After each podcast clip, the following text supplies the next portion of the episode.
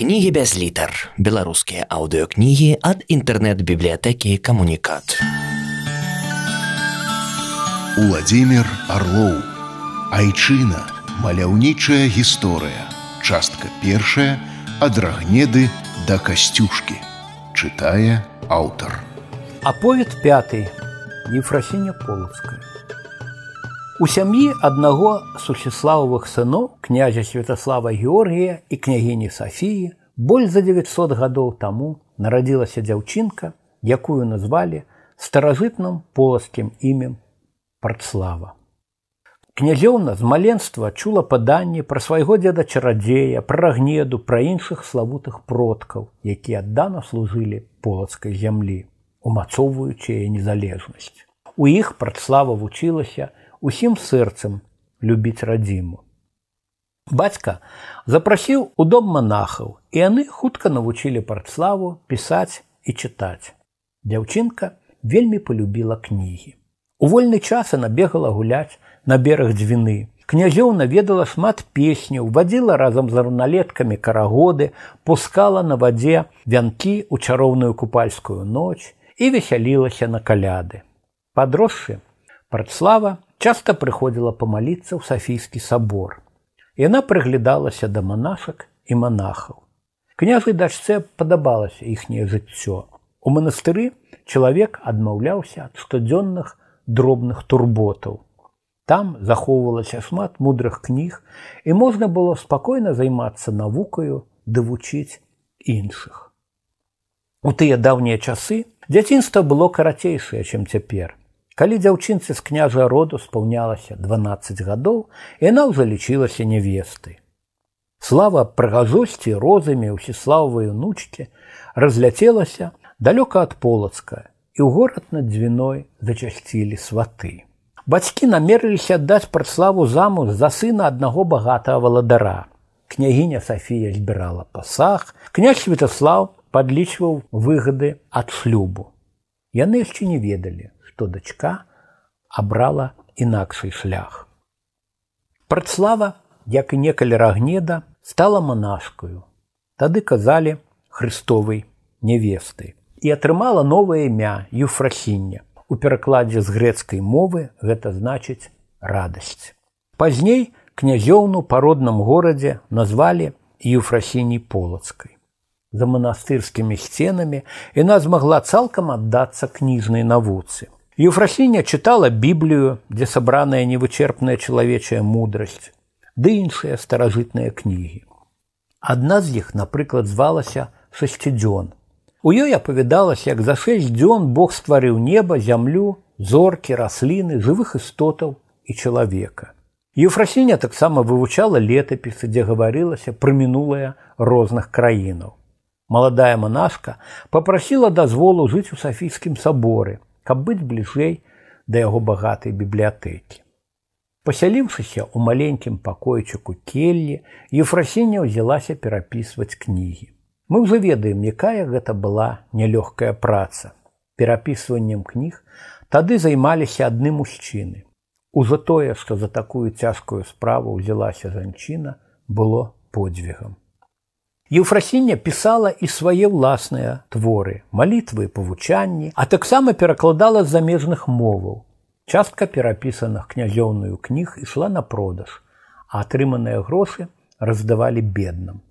Яна хацела, каб у полацку было як мага больш пісьменных людзей і марыла пра тое, каб кнігі перапісвалі не адзінкі, а дзясяткі вучоных людзей.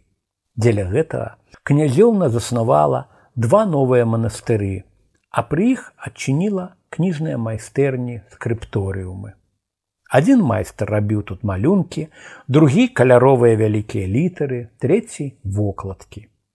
Калі была патрэба перапісаць кнігу хутчэй, яе дзялілі на некалькі частак. Са скрыпторыумаў кнігі разыходзіліся па ўсёй полацкай дзяржаве. Каб упрыгожыць церквы абразамі, Ефрасіня стварыла мастацкую майстэрню. Яна напісала ліст свайму сваяку візантыйскаму імператору і ён пад моцнай аховай прыслаў у полацак надзвычай каштоўны старадаўні абраз, які паводле падання стварыў першы хрысціянскі іканапісец апостол Лукаш. На гэтым абразе была намаляваная багародзіца сынам Ісусам. З вакенца келлі асветніца бачыла ўсю радзіму і нястомна працавала дзеля яе будучыні. У адчыненых ефрахінію школах, апрача чытання, пісьма і лічення дзеці вывучалі гісторыю, грецкую і лацінскую мовы. Самых здатных хлопчыкаў і дзяўчынак вучылі складаць вершы. Часта урокі праводзіла сама асветніца.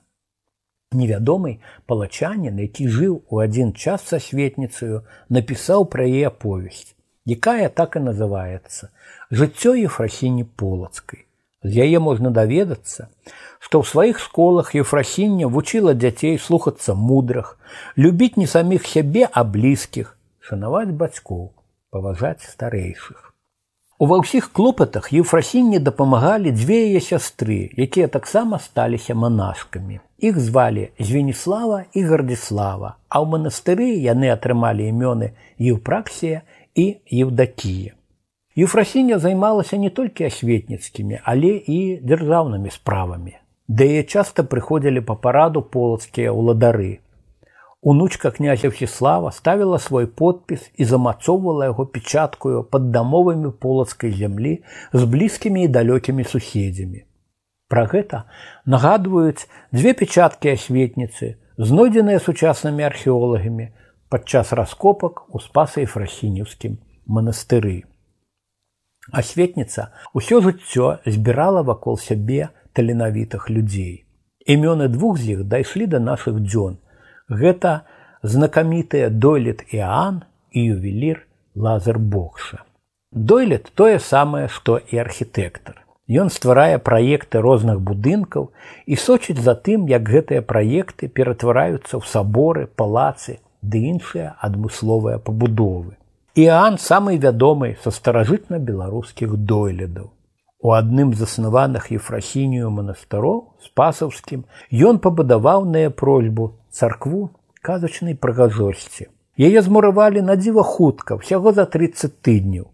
Гэтая царква завецца спасай фрахінеўскай. І на сёння стаіць у полацку паблізу ракі палаты і нагадвае белую птушку, якая апусцілася з неба на зялёны луг.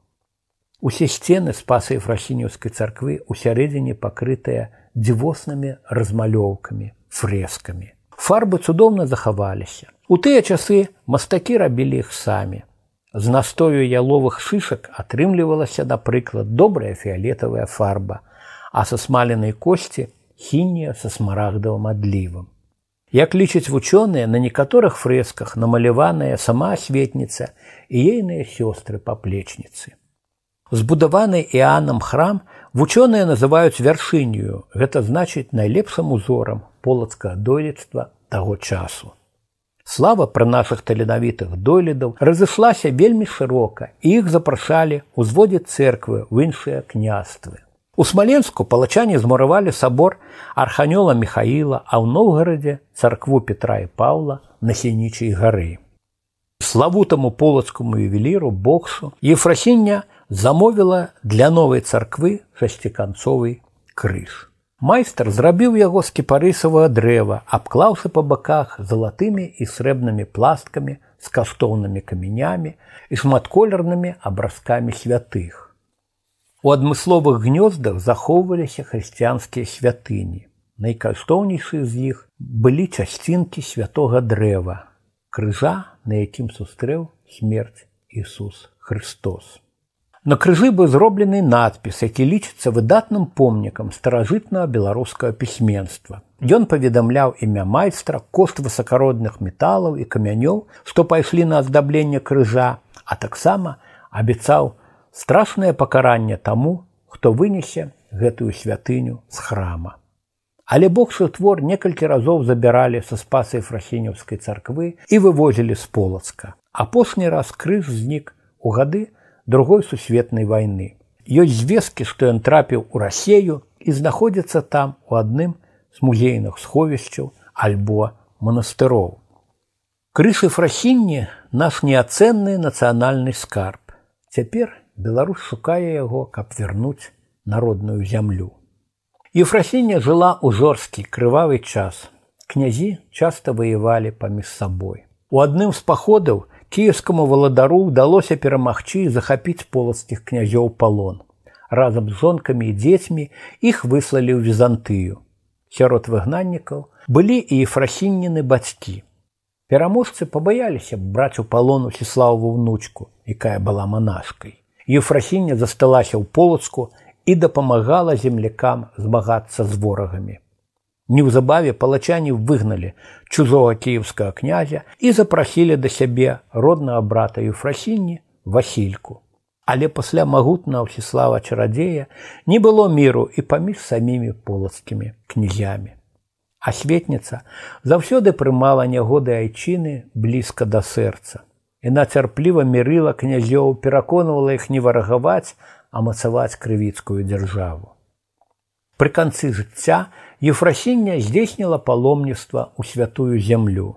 Так называюць мясціны, дзе нарадзіўся і вучыў людзей Ісус Христос. Па дарозе палачанку паўсюль сустракалі з пашадаю, Пра яе самаахвярнае жыццё ведалі ў розных краінах. У горадзе Іерусаліме падарожніца захварэла і памерла. Пазней яе парэшкі перавезлі спачатку ў Кію, а затым у полацак. Ефрасіня полацкая зрабіла столькі добрага, што людзі называлі яе святой яшчэ пры жыцці. Пасля смерці ефрасіню пачалі маляваць на абразах і прасіць у яе дапамогі ад ліхіх сілаў. Нашыя прашчуры верылі, што за вялікія заслугі Бог забраў асветніцу на неба і адтуль яна спрыяе землякам ва ўсіх добрых справах. У спасай фрасенёўскай царкве ў полацку захавалася келля, дзе святая пражыла апошнія гады.